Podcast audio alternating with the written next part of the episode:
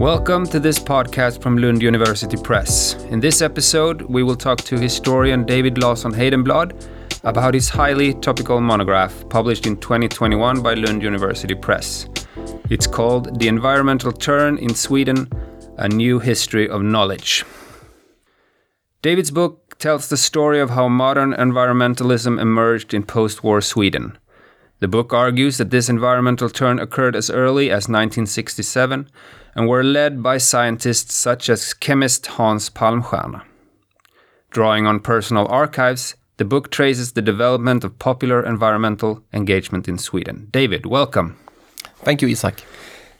First off, why is it that your monograph is so topical in 2022? Uh, today, or very soon, in early June, there will be 50 years since the United Nations had their first uh, conference on the human environment in Stockholm, Sweden. And my book ends there, so it sort of uh, explains why there was a Stockholm conference and why we are sort of celebrating this Stockholm plus 50. Perfect. Uh, and and uh, what happened 50 years ago in, in Stockholm? Would you tell us something about that? Yeah, it was the first uh, of these kind of high profile global meetings where politicians from all over the world uh, um, came together with activists, journalists, etc., uh, to uh, discuss sort of the threats that uh, man uh, created towards uh, his environment and what you could do to sort of sort things out. So there is sort of a baseline in Stockholm, which sort of leads to yeah, international conventions and leading to like the climate summits we have today. They are sort of um, ascendants of the Stockholm Conference. Hmm. Fascinating. So tell us about your book. What is your central claim? My claim is that uh, this environmental turn or environmental knowledge sort of uh, had a breakthrough in Sweden as early as the fall of 1967. So, uh, like five years before the Stockholm Conference, things mm. got really heated up, mm. and sort of that is my my main ambition has been to investigate how sort of some kind of knowledge moves from the margins to the mainstream, mm. and so like everything which was said in the late 60s and early 70s about environment environmental crisis that was not really new. Most of these things have been said in like the late 40s but so i look at what sort of what was the tipping point? What tilted things from the margins to the mainstream? Mm. so can you say that for instance that or that environmentalism emerged sort of before the movement? Because we know a lot about the the sort of eco movement and the environmental movement, but but your claim is sort of more that that there was a lot of things going on, sort of a spark that needed to happen yeah, before that. Yeah. yeah. a lot of things had happened. Uh, so Stockholm is sometimes sort of celebrated as sort of a, a breakthrough, yeah. but, and there was all of these movements. But like my claim is like that the issue uh, emerged before there was a movement, and uh, it did, but it did not emerge like as some some would claim that say Rachel Carson and Silent Spring in the early yes. 60s that was sort of the breakthrough, but in the early 60s there was no move no movement. I mean there were a lot of scientists engaged, there were hmm. politicians mm. engaged, but this kind of grassroots movement which emerged in the late 60s. Mm. That was something new, and uh, a lot of things had to happen. Like like the early '60s and the late '60s are quite different, yeah. uh, and there are a number of key actors, key moments, sort of tilts things and shapes uh, what happens. Mm. Well, I know that you talk about uh, social breakthrough of knowledge. Uh, what do you mean by this this term, social breakthrough of knowledge? Yeah, what I mean by that is that something becomes hard not to know about. Yeah. So if you look today, for example, of climate change knowledge, I mean, it's you can have different opinions, but it's hard not to know about the issue. Uh, and I will I see that this kind of social breakthrough is when something sort of becomes hard to not know about. And that is what happens quite rapidly in the 60s. I would say that in Sweden, for example, like in the early 1967, it was quite hard to know something about an environmental mm. crisis. I mean, sure, there were some people who discussed it, but it was it was quite fringe. It wasn't in the the headlines. Wasn't or, in the headlines. Yeah. Wasn't in the mainstream media. Mm. Uh, wasn't in the school curriculum, etc. And then a lot of things change, uh, happens in uh, a few short weeks in mm. in the fall, where sort of things um, becomes the center of attention, and so this is sort of that's where your interest intersect you want to find that sort of the the flash point so to speak yeah, yeah. i've been looking at the flash and then of course what happens after that mm. because the interesting thing is then like the the knowledge the social breakthrough knowledge uh, things emerge and you talk about it okay well what do people do then if mm. they sort of discover that okay this is highly topical we need to do something then what do they do and how do sort of established uh, organizations react mm. that kind of thing so so what happens mm. and so I look at how knowledge sort of circulates and try to look at it yeah. quite nitty gritty, mm. like how what does actually happen, who does what, mm. and then what what happens. So sort of trying to look at that kind of the chain reaction which yeah. is sparked mm. by the social breakthrough. But you said there uh, some, a key a key aspect of your book, obviously, is a circulation of knowledge, um, and so this is the sort of the the circulation in what you trace, sort of try to find how how something becomes a a well known, uh, agreed upon uh, knowledge or fact or, or something like that, right?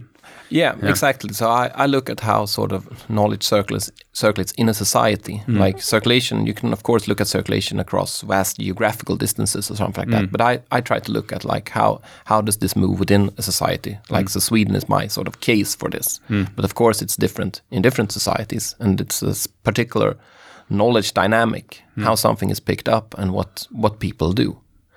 Uh, so it doesn't. So you have to go into a lot of detail then.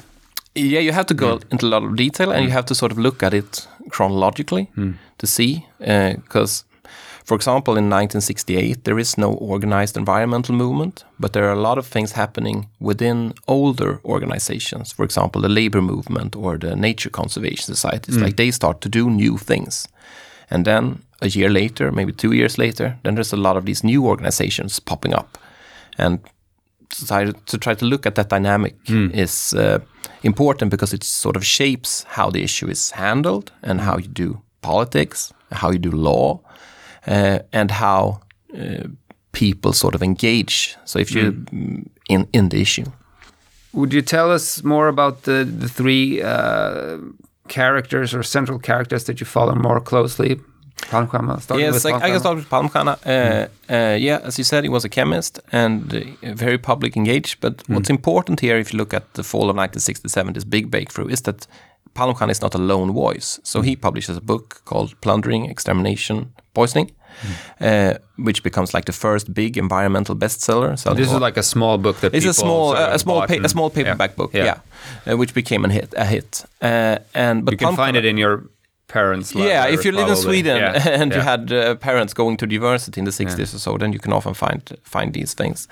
Uh, but um, the important thing is that Palmstierna was not alone. So there were like a lot of scientists, say dozens of scientists, who sort of entered the public fray and uh, sought to alarm the public. Mm. Not exactly in the same way and exactly with the same issues. They had different this, sort of tactics. Yeah, they have a different tactics, but like uh, if you look at it from an, a longer historical perspective, you see that there's a choir there had been a lot of warning voices earlier, but in 1967 in Sweden, it's this choir. And we've forgotten about the choir. Uh, yeah, I'd, yeah, I'd say this this is largely forgotten. Mm. I'd say um, um, I've been around since my book came out last year. I've been around talking a lot to people, and mm. also even people engaged very much in environmental science or environmental movement, etc. And and a lot of these things are sort of unknown mm. or forgotten.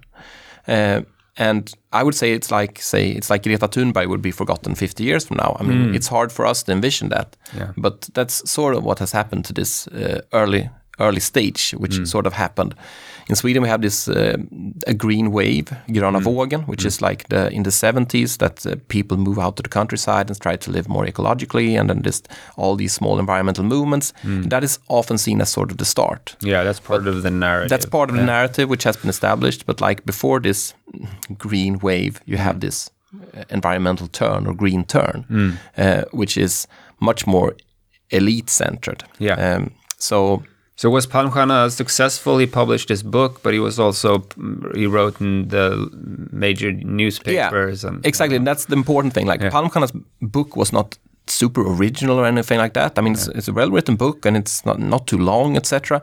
But what's important is that Palmstierna is uh, he has media capital. He writes mm. in the largest newspaper, Dagens Nyheter, regularly. Mm. So, like, I think a third of the book was published beforehand through oh. articles. Mm. Like the knowledge was already sort of gaining traction in a mm. sense in the public sphere.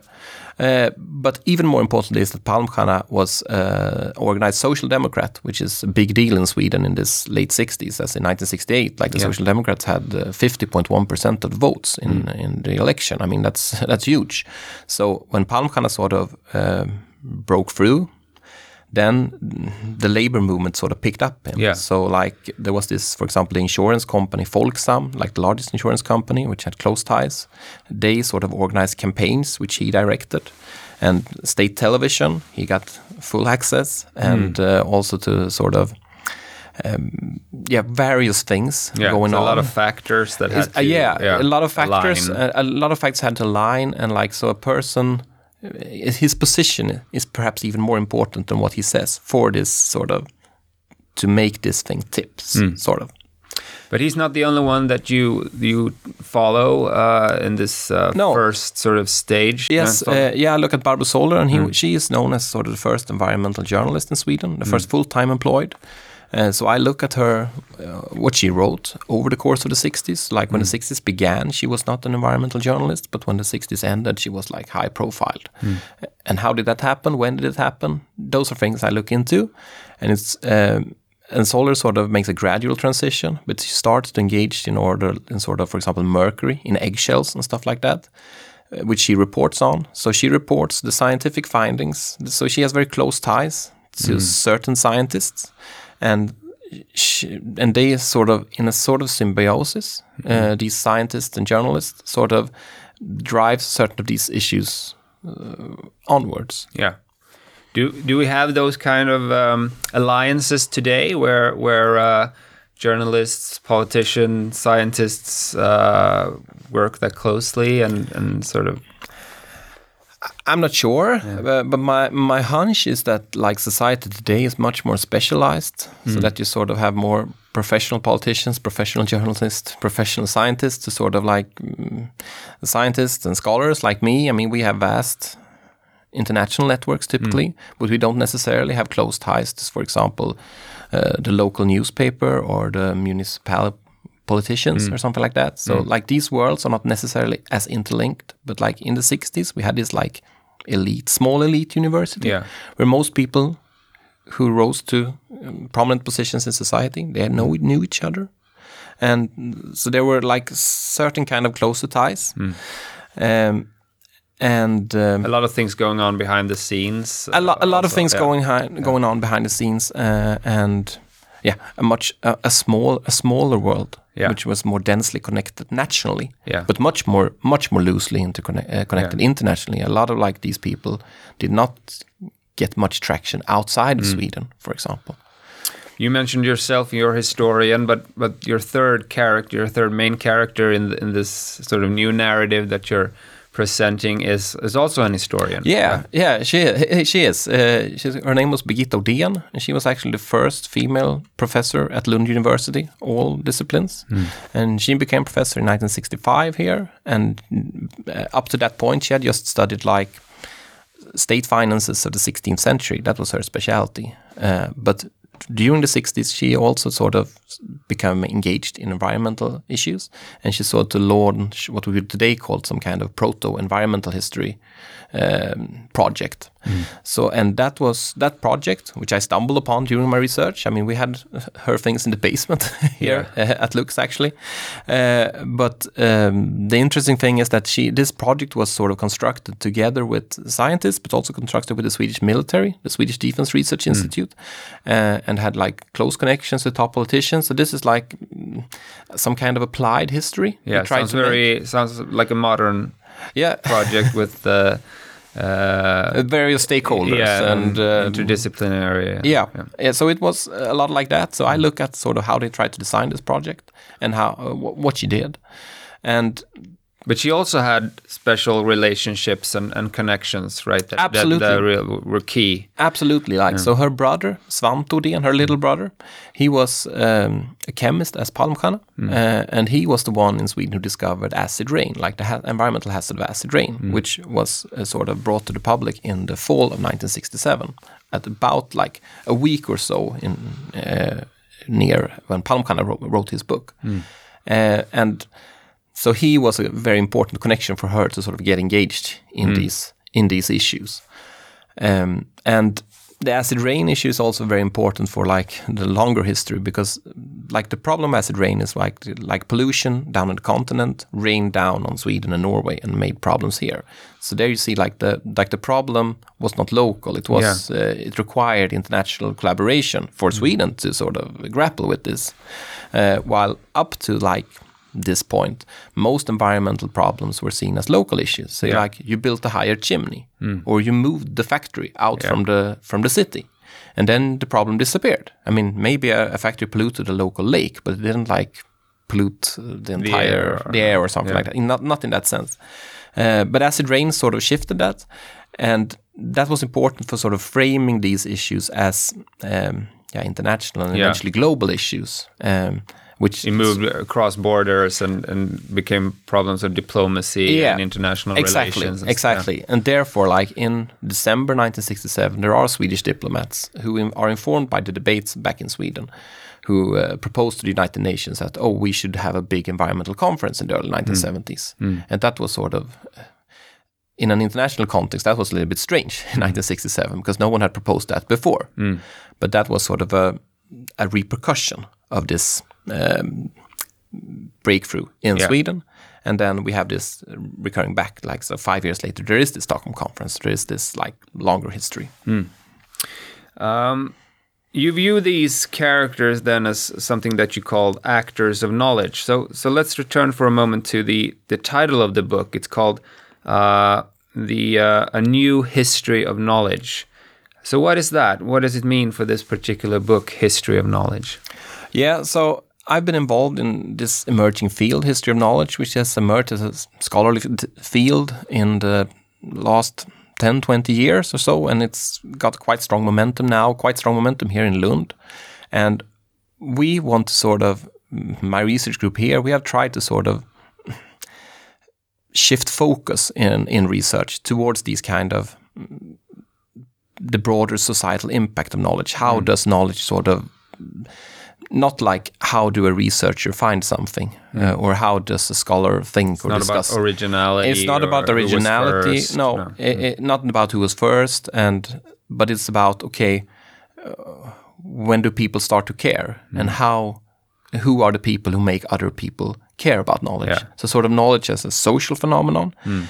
uh, and and uh, of course, like history of science and tradition. I mean, mm. also view knowledge as a social phenomenon. Mm. But like I think this sort of interest in like the social phenomena, like this mass phenomena, is yeah. is not it's not the mainstream in traditional history of science or intellectual history, mm. where people are usually quite satisfied to sort of delve into the archives of like uh, uh, the prominent scientists. yeah. So, for instance, Hans Palmstierna, you mentioned that he wasn't the first and and perhaps not the the best seller. He didn't write the bestseller, but there was a lot of. You look at the other factors which sort of propelled knowledge into the public sphere. So yeah, yeah, yeah, exactly. So mm. yeah, uh, what what happened, mm. um, and um, and this allowed you to sort of uh, find this first phase that that sort of the narrative have forgotten.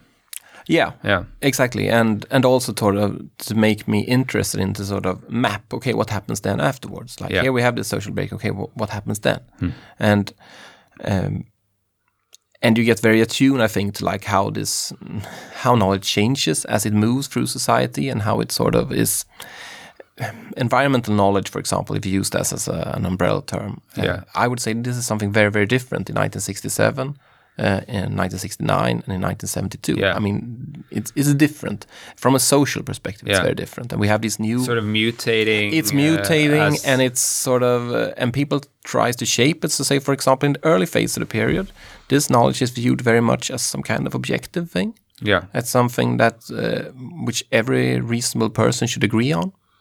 But if we move to like the early 70s, then people have started to try to make politics of it. Okay. And mm And this is, of course, something that we recognize today, we where recognize it's also an emotional, existential uh, question that people handle very differently. Yeah, very, very differently. So, like in Palmstierna, in his final chronicle of 1967, he writes, it's called From Knowledge to Action. And he says that, oh, we know everything we need to know. All we now need is the will to Yeah. act. And you recognize that, I guess. Yes. uh, it's quite typical and it's sort of but then when people actually start to act then you realize that there are like conflicting interests and people try to for example the labor movement they want to sort of have the working uh, the, the inner environment which is sort of the working conditions in a factory that that should be a part of sort of what you see as the environmental problem uh, like the work around the factory floor is as endangered as the fish in the lake, for example. Yeah. That's things they say in the early 70s. Yeah. They would not say that in 1967. And then there are like a lot of people sort So of. you have this uh, clear before and after. Yeah, quite, yeah, quite, that's your. yeah, quite clear before and after, and uh, like an ongoing politicization Yeah. of things. And uh, But did people question uh, the the knowledge at that time at all? This is, of course, something that we uh, have to deal with today. That people question uh, the science behind uh, these claims. Uh, Uh, yeah, there are different phases of it. I'd say. Yeah. I mean, for example, if you go back to Rachel Carson, there's a lot of debate on like how how dangerous are the biocides, uh, and mm, what people sort of um, unite on there is that we don't really know, so we need to do more research. And that, but like people react in diff- different ways. I mean, and that's and I said that's natural for sci- scientific processes, and especially if you try to turn into politics. Like there are disagreements about certain things. That's that's not. mm, It should be like that. Um, and then later on, I'd say, I mean, you have to sort of um, like the environmental crisis, as you talk, speak about in the years around 1970, which is quite equivalent to say the climate crisis today. I mean, it's Yeah. it's similar in many ways.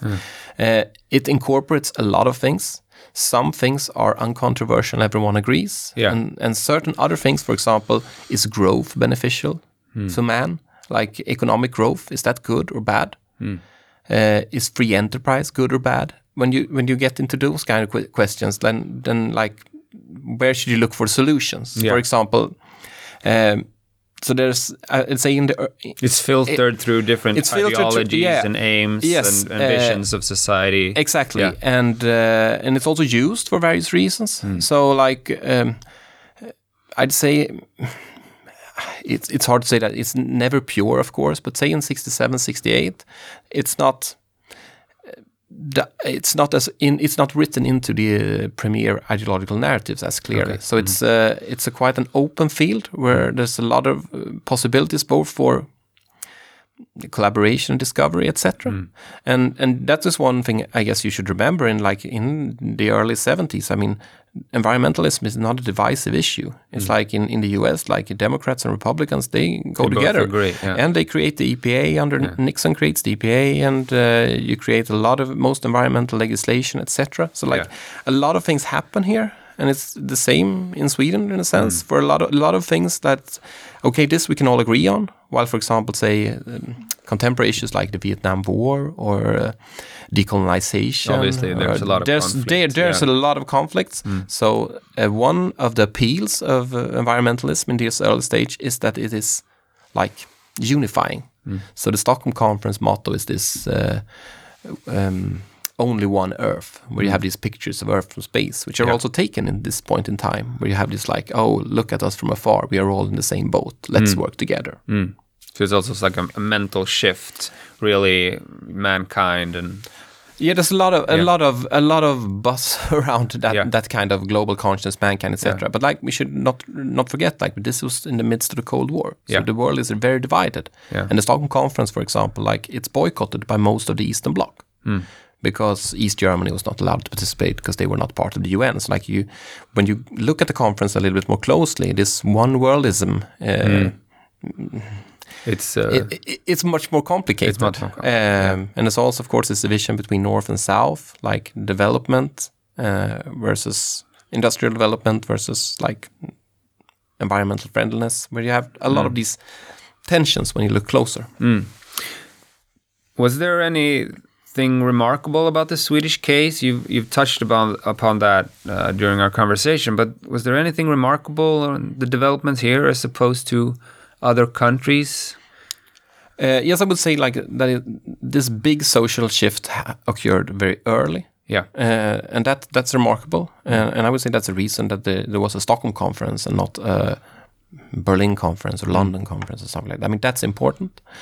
Um, and why did this happen? Why why was it this early in Sweden? Then I think you have to take into account that Sweden was a rich society mm. in the 60s, very rich, and had a large like scientific establishment, a lot of scientists and very generously funded. So like the state and the scientists were like quite closely linked together, mm. and uh, and that I think is perhaps the most unique thing with the Swedish case is like a chemist, like uh, an early environmentalist like Hans Palmstierna, he was sort of just one step from the prime minister. Yeah. Well, if you look in the U.S. at the same time, we have like Barry Commoner, who was, was very important and hugely influential and sold a lot of books. But I mean, he was quite a lot of steps from actual political power. Mm.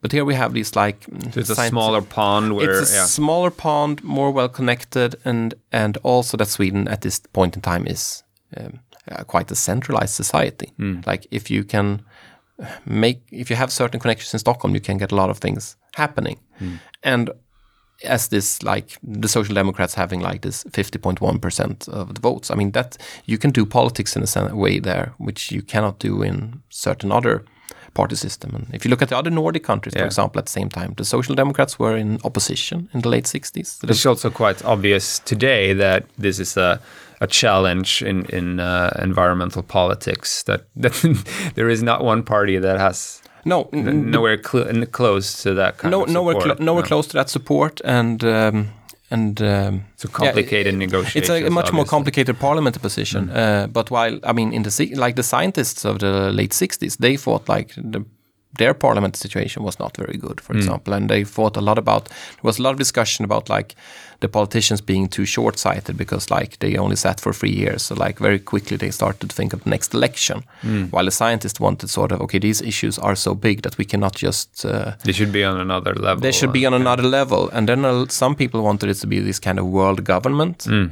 uh, and then you see that there are a lot of people who do not want a world government. Mm. So there, uh, that's the tension. There's a tension. Yeah. So there's this expression in the early 70s of environmentalists of being watermelon, mm. uh, that they are green on the outside but red on the inside. Mm. so that's uh, mm. it captures some of like uh, yeah, the tensions yeah, yeah. of it. Um, so, and I think we've already begun to touch about this, but finally, I want to to um, discuss, you know, in what way can a sort of historical perspective, the historian's view, so to speak, your view on this, be part of this sort of huge contemporary challenge? Um, what is the role of the humanities and history in, in the climate crisis that we face today, you think? Yeah, I think perhaps the most important thing, which I'd like to stress, is that like historians work in time horizons, which mm. I think are very important if you want to look at if you want to change society.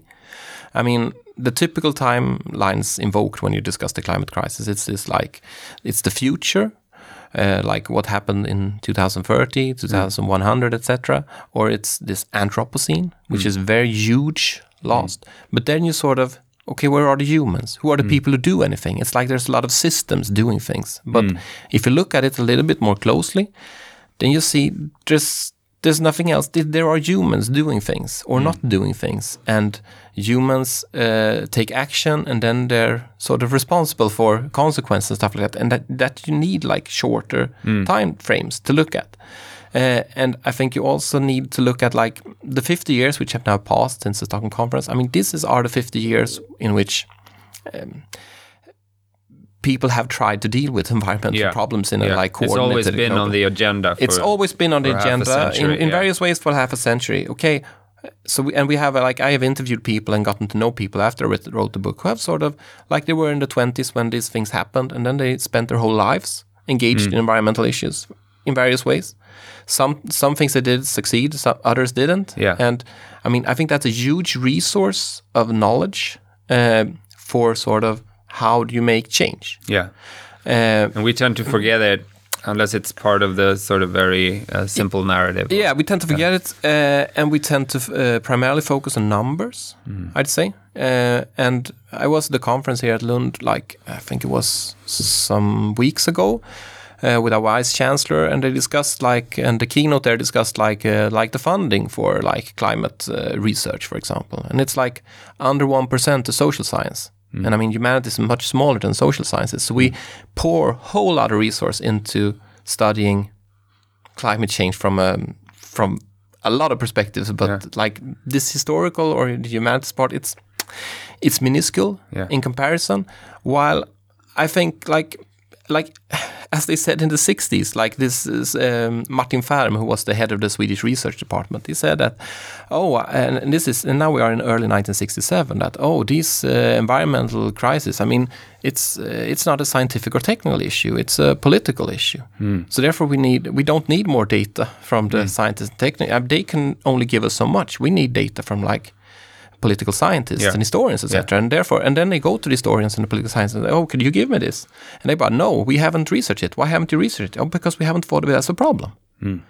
And and like what he wanted them to look at was like how does like decision making affect and how are the time horizons, etc. So there was a lot of things that he he thought he needed to know. Mm.